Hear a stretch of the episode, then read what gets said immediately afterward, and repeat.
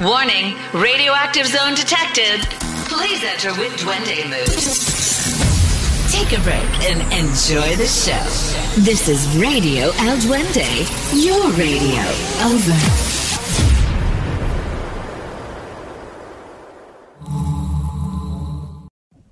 Halo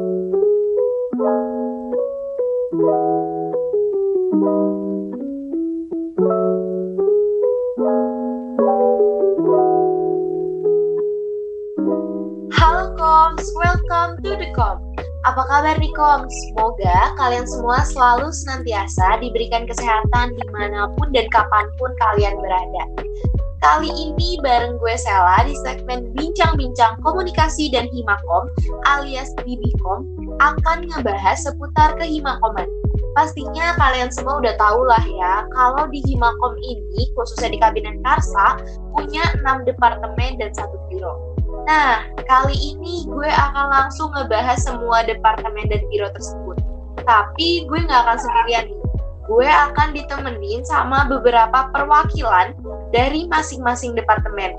Ya tujuannya sih biar penjabarannya lebih jelas lagi dan lebih spesifik aja biar kalian gak bingung. Oke, sekarang gue lagi sama perwakilan dari Departemen Minat Bakat dan Keilmuan. Langsung aja deh kita sambut. Halo Tere, halo Vitar. Halo Cela. Halo Sela. Halo guys, apa kabar nih kalian? Baik, baik banget, puji Tuhan. Alhamdulillah. Vitar gimana nih kabarnya? Luar biasa baik ya Sel. Alhamdulillah. Kalau gue sih kan udah kenal ya sama Vita, sama Tere, tapi teman-teman di sini nih belum pada kenal sama kalian. Jadi boleh dong kalau kalian kenalan dulu. Boleh, boleh. Uh, halo semuanya, perkenalkan nama gue Teresia Yunita dari staf Departemen Minat Bakat dan Keilmuan. Salam kenal semuanya. Halo Tere, salam kenal. Vitar nih. Oke, halo semuanya. Kenalin nama gue Vitar. Gue dari staf Departemen Minat Bakat dan Keilmuan. Salam kenal semuanya. Halo Vitar, salam kenal.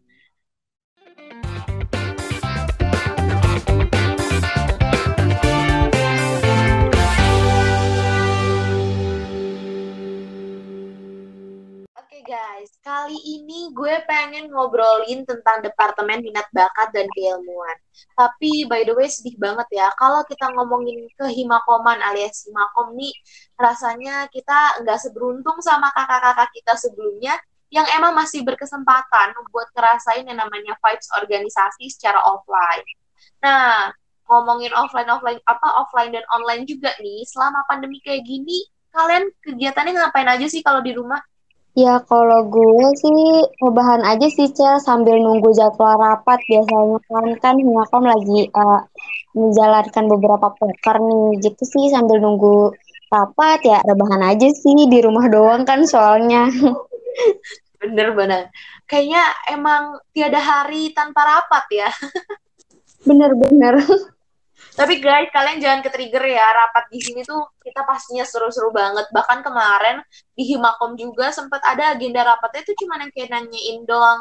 Ada cerita apa hari ini ya nggak sih? Bener-bener. Jadi bisa curhat juga ya sambil rapat. Ya, jadi nggak selalu tegang dan serius guys. Ada kalanya kita refreshing. Oke, kalau dari Vitar sendiri gimana nih? Kegiatannya apa aja selama di rumah aja? Dari gue nggak beda jauh sih ya sama Tere. Kayak cuma scroll-scroll HP doang gitu. Youtuber, IG-an. Emang paling bener ya, lagi kayak gini tuh rebahan ditambah HP, scroll TikTok tuh, aduh udah vibes-nya anak habis pokoknya. Oke okay guys, kan sekarang ini kalian udah jadi salah satu anggota dari Departemen Mikail nih. Gue pengen nanya sih, apa yang menjadi alasan utama kalian nih, alasan kuat buat kalian pengen masuk ke Himakom gitu? Dan apakah penempatan kalian di Departemen Mikail ini udah sesuai nih sama apa yang kalian inginkan di awal? Ya, uh, jadi alasan gue masuk Himakom sih lebih ke pengalaman aja sih, pengalaman gimana sih rasanya masuk organisasi di dunia kuliah, beda nggak sih sama yang di sekolah atau sama aja gitu. Kalau misal sesuai nggak uh, pemilihan departemennya, gue cocok banget sih sama departemen minat bakat dan keilmuan soalnya kayak pilihan pertama gue emang di Makom tuh uh, pertamanya emang minat bakat dan keilmuan gitu nih kak. Iya, puji Tuhan sesuai sih. Alhamdulillahnya sesuai ya. Kalau boleh tahu pilihan kedua lo apa tuh Ter waktu itu? Pilihan kedua gue tuh kalau nggak salah pengmas deh, kalau nggak salah ya. Oh, pengmas ya.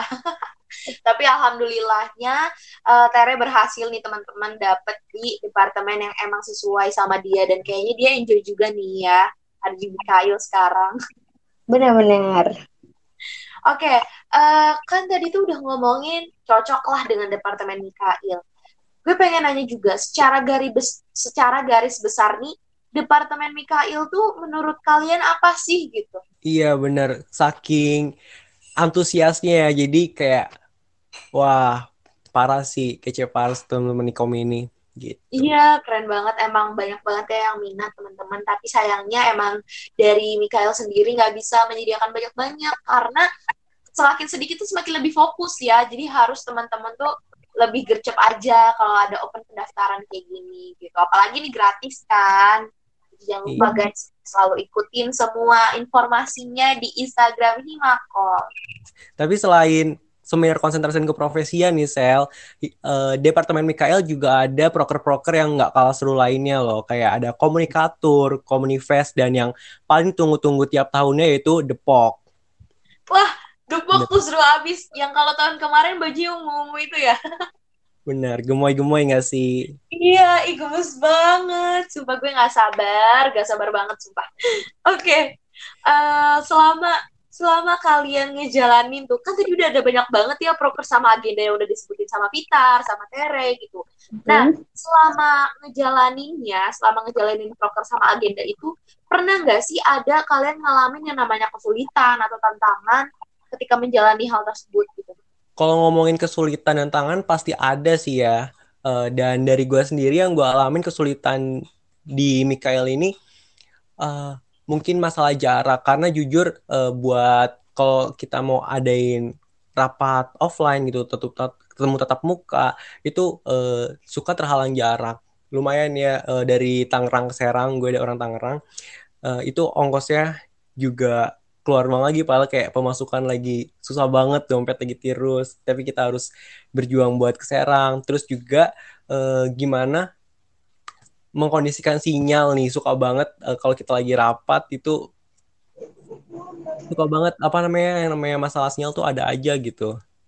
Gitu sih emang ya yang namanya serba-serbi online tuh banyak banget wah huru haranya yang masalah sinyal yang masalah jarak aduh pokoknya semuanya adalah cuman gimana lagi ya yang namanya kondisinya kayak gini kan kita juga nggak bisa maksain betul tidak kawan bener Betul. Tapi ya dijalanin aja dan buktinya sampai detik ini kita semua masih fine-fine aja gitu kan di Himako. Masih semangat semuanya. Setuju, setuju. Ikutin juga prosesnya. Ya, yang penting apa pun rintangannya, apa pun tantangannya, kalau dijalanin dengan happy, itu pasti hasilnya juga bakalan happy juga. Prosesnya nggak akan kerasa juga, guys. Oke, okay. uh, eh, kan tadi udah ada tuh ya yang namanya kesulitan tuh udah kalian sebutin. Gimana sih cara kalian untuk mengatasi rintangan atau tantangan tersebut gitu? Iya, uh, jadi cara kita buat ngatasin itu sih lebih ke komunikasi aja sih. Misalkan lagi rapat nih, terus uh, tiba-tiba sinyalnya mati atau jelek, jadi nggak bisa dengerin uh, rapat himakom gitu. Nah kita ada yang notulensi nih kayak ngasih tahu lah, ngasih tahu kayak tadi tuh rapatnya gini-gini aja loh, gini-gini biar uh, kita tuh yang putus-putus jaringan tadi biar tahu kayak uh, rapatnya yang tadi tuh isinya ini loh gitu. Terus gimana sih cara mendekatkan diri pas lagi online kayak gini tuh lebih ke bonding aja sih Cel, lebih ke bonding karena kan online ya. Jadi susah banget buat uh, biasanya kayak canggung kan online kayak gini. Jadi lebih ke bonding, lebih ke pendekatan lagi sih, sering-sering gimmick, sering-sering cerita kayak gitu sih Cel. Wah, seru banget ya. Emang sih yang namanya online gini kalau udah terhalang sama jarak, ya gimana caranya kalian harus bangun komunikasi. Bener banget sama apa yang dibilang sama Tere tadi, guys. Nah, kalau bonding sendiri kalian sering gak sih ngelakuin itu? Sering-sering banget.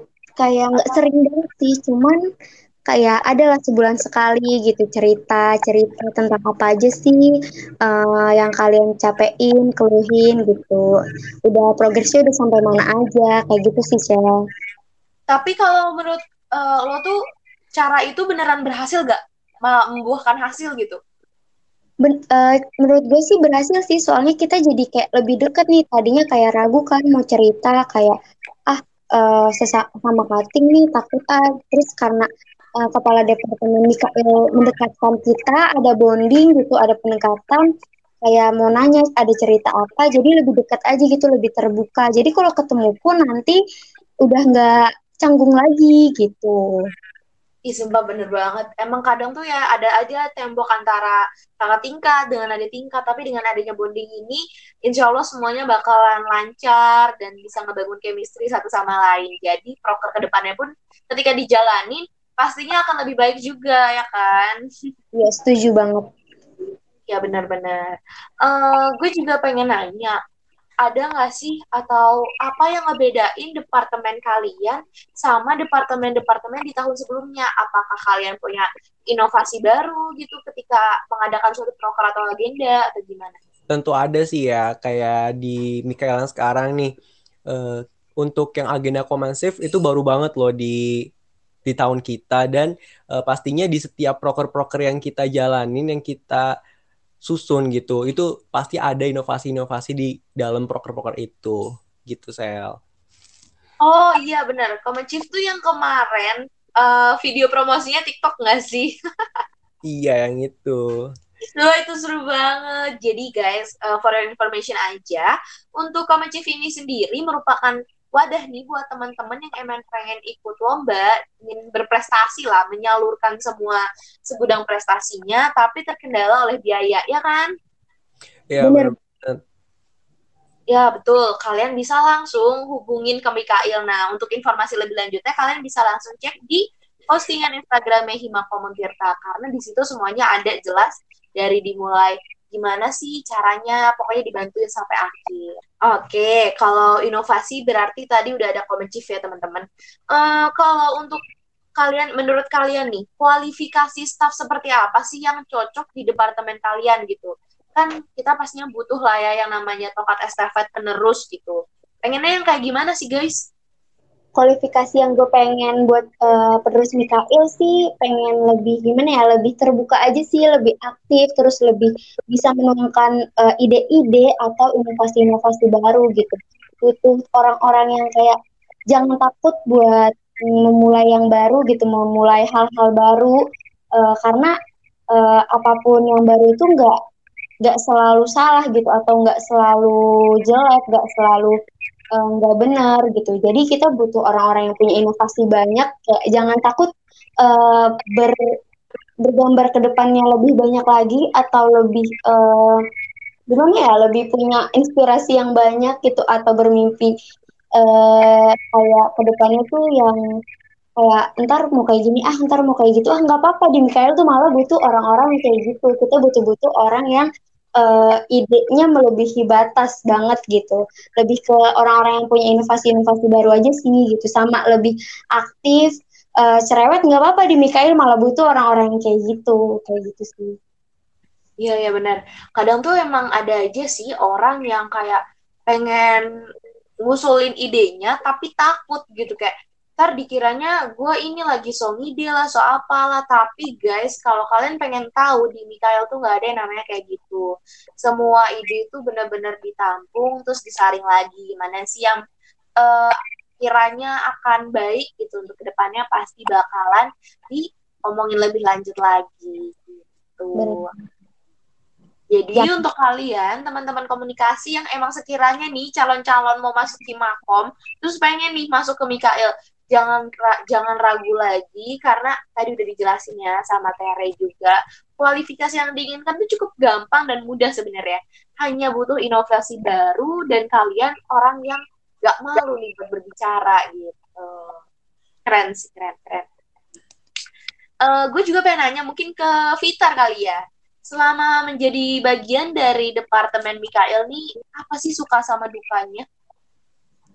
Duh, suka duka ya sukanya sukanya dulu kali ya. Dari sukanya gue salut sih sama anak-anak Mikael gitu. Di mana uh, mereka bisa jadi uh, keluarga kedua gitu buat gue di mana mereka um, bisa jadi sosok yang uh, mood booster lah gitu istilahnya. Jadi kayak selain kita lagi capek ngadepin banyak struggling sama problem. Nah, Mikael ini siap buat nampung cerita gue, buat dengerin cerita gue, dan ngasih solusi pastinya ya. Dan juga, uh, pokoknya bener-bener kerasa banget deh keluarga Mikael itu. Terus kalau misalnya buat duka ya, buat duka, uh, sedih ya kalau teman-teman Mikael dari itu kita jaraknya tuh jauh-jauhan banget beneran sumpah kayak uh, dari ujung ke ujung kita kepencar benar-benar kepencar jadi kayak buat main buat ngumpul itu rada susah gitu dan juga gimana ya paling itu sih suka duka dari Mikael ya gue juga kadang suka turut ikut sedih sih ya sebenarnya karena Mikael ini paling jarang gitu yang namanya kumpul ya karena emang terhalang jarak juga sih teman-teman Cuman kalau menurut gue yang namanya jarak itu gak akan bisa mem membatasi apa pun itu ya, selagi kalian bisa membangun komunikasi yang baik satu sama lain. Pastinya bakalan ada chemistry itu ya yang muncul. Setuju banget. Semangat buat kalian. Uh, gue pengen nanya juga buat kalian sih, seberapa penting dan berartinya Departemen Mikael nih buat kalian? seberapa penting Mikael buat gue sih penting banget sih karena Mikael tuh udah kayak apa ya uh, keluarga gue aja gitu keluarga Himakom juga keluarga cuman Mikael tuh lebih keluarga tempat pulang di mana gue ngerasain capek gitu sama semuanya terus mereka mau nampung uh, cerita-cerita gue gitu. Uh, awalnya sih gue mikir kayak ah kayaknya masuk uh, organisasi atau masuk departemen Mikael nggak se seru orang-orang deh. Kayak soalnya minggu pertama tuh departemen-departemen lain tuh udah pada deket gitu sementara Mikael belum. Ternyata gue salah mohon hmm. sebenarnya uh, semuanya itu butuh proses gitu jadi semakin ke sini Mikael makin dekat terus mereka mau nampung cerita gue mau dengerin mau ngasih solusi benar tadi kata Vitar jadi penting banget sih keluarga gue banget Ya emang bener-bener ya keluarga banget. Kalau dari Vitar gimana nih? Seberapa penting dan berartinya Mikael buat Lotar? penting banget ya pastinya kayak Mikael tuh udah berasa bagian banget dari hidup gue aduh kayak aduh. Iya. Tanpa Mikael pokoknya kayak uh, mungkin susah buat ngadepin uh, proker-proker yang kerennya gitu sampai sampai sekarang. Yeah. Oke okay guys, um, harapan Departemen Mikael untuk ke depannya apa aja tuh? Harapan buat Mikael sih lebih ke semoga Mikael bisa uh, cepet-cepet ketemu gitu uh, cepet-cepet main bareng karena Mikael tuh belum pernah kumpul yang full atau kumpul yang benar-benar uh, buat main atau buat bonding offline tuh belum banget pengen banget sih ketemu semoga terus uh, Mikael semoga ke depannya bisa makin uh, sabar atau semangat buat uh, ngelakuin proker-proker semangat terus aja sih buat Mikael semoga lebih lebih keren aja. Ya, semoga pandemi ini cepat selesai biar kita semua bisa kumpul, ketemu bareng dan bikin chemistry secara langsung ya guys. Amin. Amin. Hmm. Uh, satu terakhir nih ya, satu kata untuk Himakom Karsa, mungkin dari Tere dulu. Satu kata buat Himakom sih hangat sih soalnya Himakom tuh hangat banget sama kekeluargaannya terus kayak gue ngerasa hangat aja gitu berada di Himakom benar-benar dirangkul banget benar-benar kayak yang tadi Mikael keluarga Himakom tuh lebih kayak keluarga besar aja gitu kayak seru banget ada di Himakom kayak hangat aja gue berada di situ kayak ke keluarga sendiri gitu sih Asik, kekeluargaan banget ya. Kalau dari Vitar gimana nih? Satu kata untuk Himakom Karsa satu kata yang gambarin Himakom dari gue adalah rumah ya. Himakom bagi gue tuh kayak udah second gitu sih. Tadi hangat, sekarang rumah emang bener-bener Himakom tuh bikin nyaman banget nih kayaknya ya. bikin nyaman banget nih kayaknya. Nyaman dong, nyaman banget.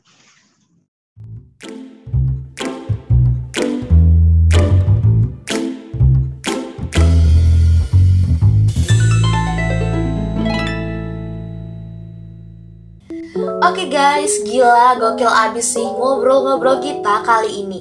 Walaupun kita emang gak bisa bertatap muka secara langsung Tapi gue harap semoga semua informasi yang tadi udah dijabarkan dengan Tere dan Vitar Bisa langsung tersampaikan ke kalian secara jelas ya koms By the way guys, gak kerasa ya kita udah ngobrol-ngobrol lama dan seru banget.